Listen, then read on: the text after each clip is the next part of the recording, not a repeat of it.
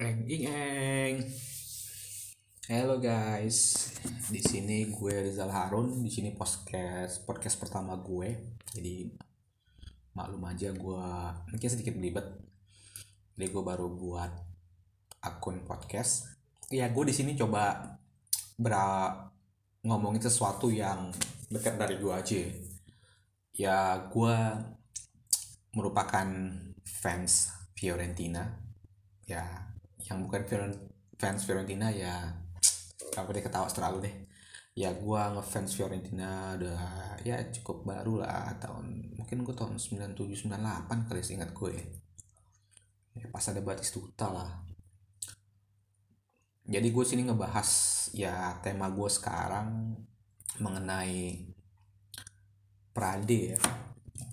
Mungkin semua fans Fiorentina pasti tahu siapa itu Frade ya kan?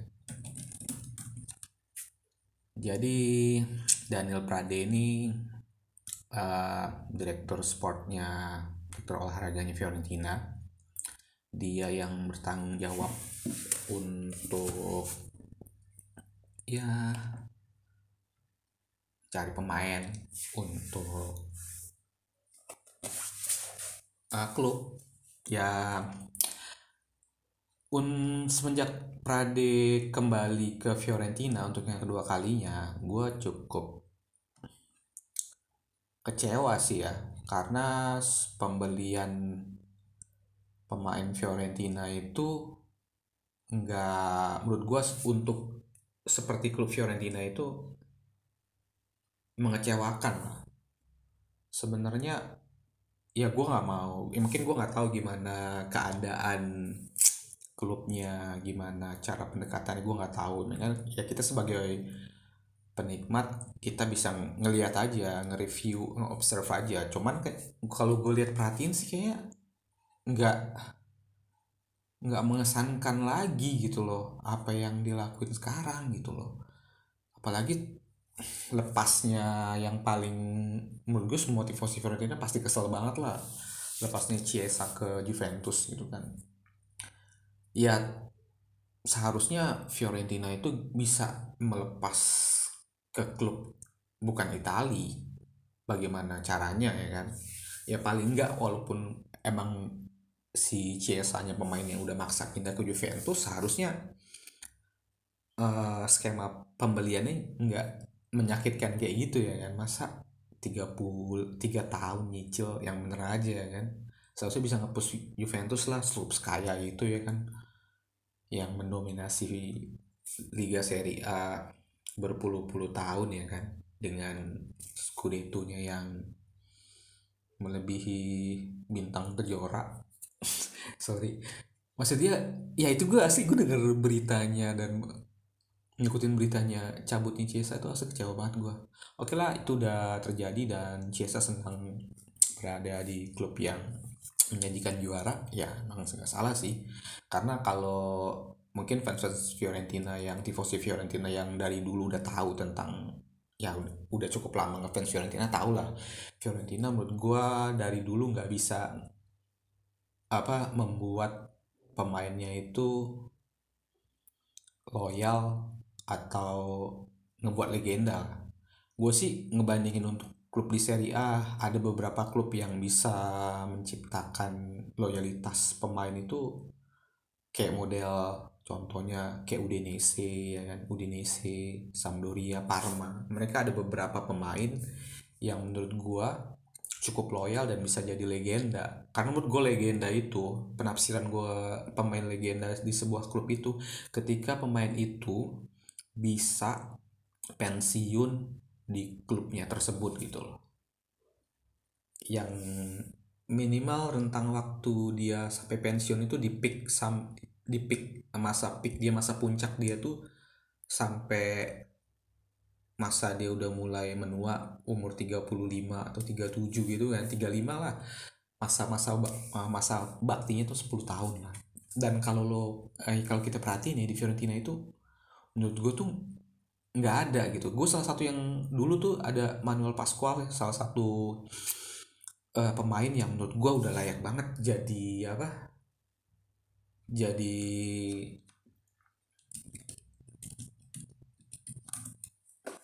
jadi apa namanya jadi legenda di Fiorentina itu. Karena dia udah hampir 10 tahun loh.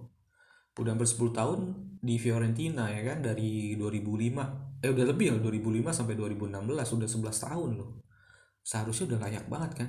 Akhirnya dilepas. Dilepas bebas kontrak ke Empoli dengan tiga tahun ya kan? Menurut gua kasih setahun lagi aja terusnya ya emang sih masa itu di klub dimilikin sama Della Valle yang nggak ngerti gimana ngebangun klub profesional dan menjadi klub yang besar gitu loh. Karena banyak banget menurut gue pemain-pemain yang disia-siain. Dan dari zaman itu ya ketika zaman sebelum zamannya si Rocco seharusnya uh, Della Valle itu udah bisa ngebangun marketing klub itu sendiri gitu loh. Ya menurut gue sih udah udah banyak itu klub-klub di Serie A terutama yang melakukan marketing gitu marketing sepak bolanya baik di media sosial ya kan ataupun di media offline gitu kan. Dan itu dilakukan dan saya itu uh, ya gue bersyukurnya sih sekarang apa uh, pemilik baru rokok karena dia orang media jadi dia ngerti gimana untuk uh, expertise uh, bagaimana mem memarketingnya uh, klubnya ya kan ke ke dunia sosial media sosial dan sebagainya gitu. Ya gue salut ya gue cukup walaupun menurut gue terlambat sih seharusnya itu bisa dimulai di tahun-tahun 2010 ya kan 2010 ketika media sosial udah udah booming gitu kan kayak Facebook Twitter ya kan. Dan sekarang menurut gue ya udah decline yang udah menurunnya media sosial sih walaupun itu tetap masih bisa digunakan sebagai media marketing bagi produk ataupun di sebuah klub gitu loh. Jadi ini gue balik ke Prade nih. Karena menurut gue Prade saat ini Iya memang sih di sini gue lihat di Viola Nation udah ngebahas uh, penggan pergantian direktur klub kita ya dari Prade ini. Karena menurut gue dia udah nggak benar-benar gak layak jadi jadi apa? Jadi direktur klub loh untuk milih-milih pemain walaupun dia kemarin sebelumnya udah pernah ngomong apa membela diri lah kayak model bikin uh, omongan tentang ya tentang gimana situasi pada saat itu ya kan. Menurut gue sekarang udah gak layak sih. Layak untuk dipertahanin. Karena pemain keluar itu pemain keluarnya menurut gue nggak sebanding dengan pemain yang masuk gitu loh. Contoh Ciesa keluar yang datang siapa tuh pemain Napoli? Apa gue nggak kenal saking gue menurut gue nggak layaknya gitu kan. Ya menurut gue ya seharusnya bisa bisa apa namanya? Bisa ngebangun tim lebih baik lagi ya kan? Ya maksudnya Kalehon penggantinya Kalehon udah tua udah tiga tiga apa umur kalau salah ya? Ya gue berharap kayak sekarang aja rumor-rumor yang rumor-rumor untuk Mercato Fiorentina aja udah jelas. Sekarang dan kan aja mau keluar. Pan dan kan menurut gue tipe uh, gelandang bertahan badak menurut gue yang kalau dioptimalisasiin bakal bakal pecah sih menurut gue sekarang yang mau masuk Yusuf Maleh pemain muda dari klub mediocre yang tak berantas Serie B gitu kan yang nggak punya jam terbang yang jelas.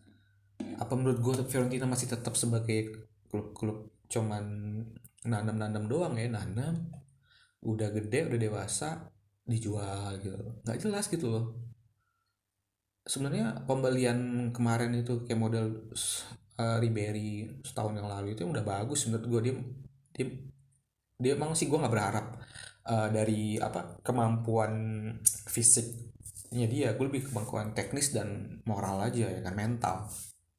Tapi sayangnya itu nggak dibarengin sama pembelian pemain-pemain yang bisa apa mendukung Ribery sebagai ibaratnya sebagai pusat pusat pembangkit mental di Fiorentina gitu loh. Dan gue denger dengar juga kabarnya beberapa pemain juga mau dijualin lagi nih.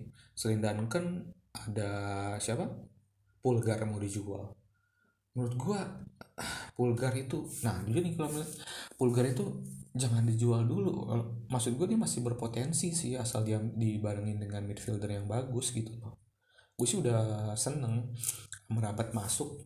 Cuman menurut gue sekarang pelatih masih belum bisa uh, ya masih belajar sih. Menurut gue memang butuh waktu untuk uh, perlu waktu untuk uh, menyesuaikan dengan materi pemain yang ada gitu loh.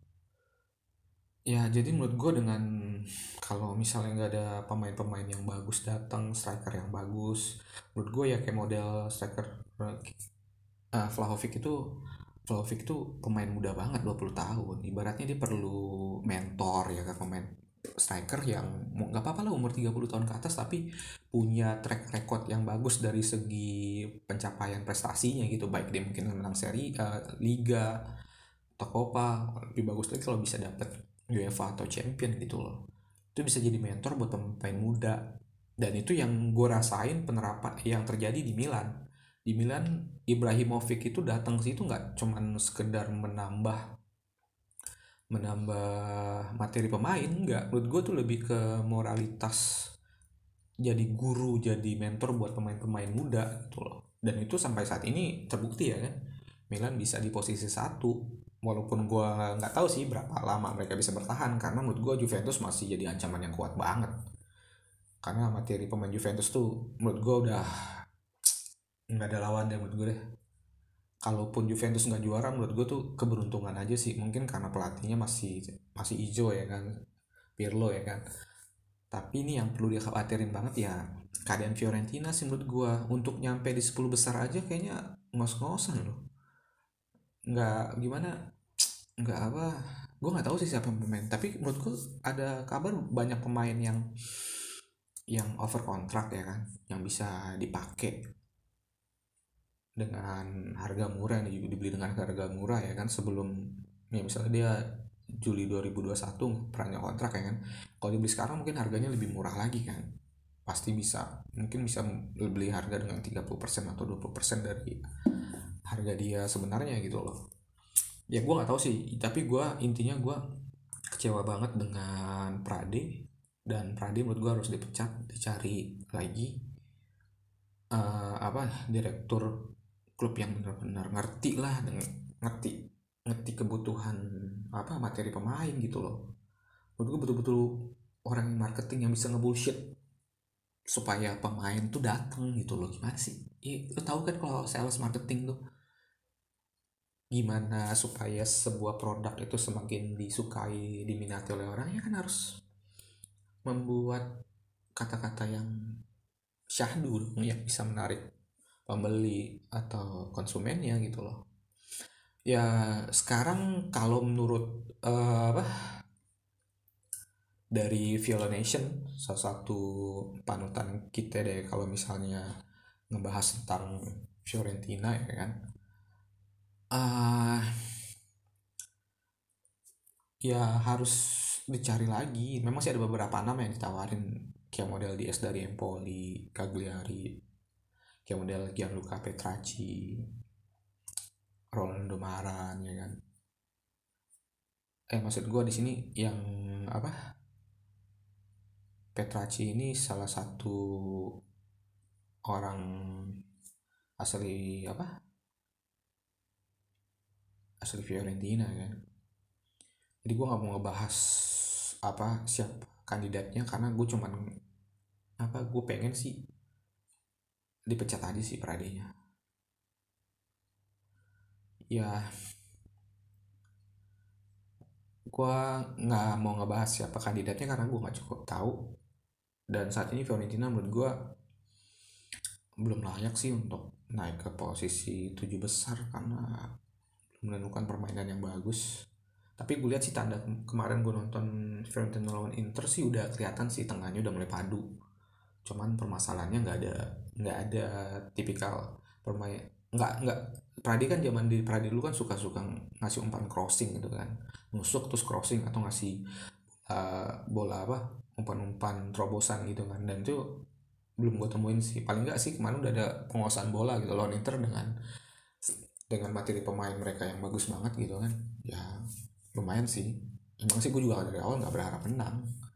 Nggak yakin menang ya kalau menang tuh bonus aja sih temen dari kalau ada improvisasi dari permainan itu cukup bagus. Hmm, jadi itu sih hasil dari podcast kali ini.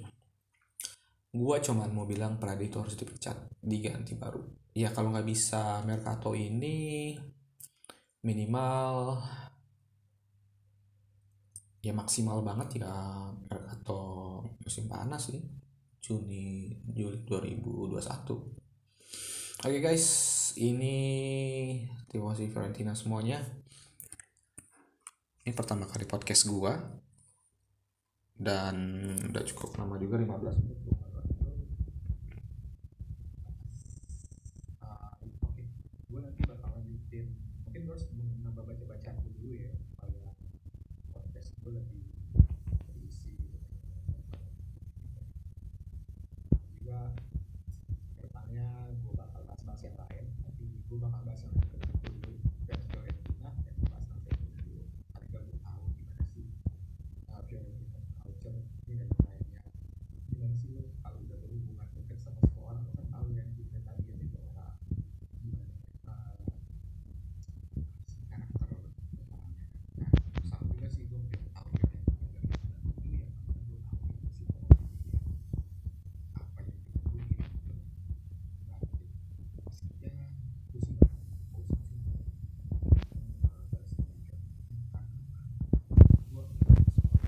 sekedar uh, prestasi juga ngeklik chemistry-nya. Gue emang chemistry udah dapet sih gimana lagi?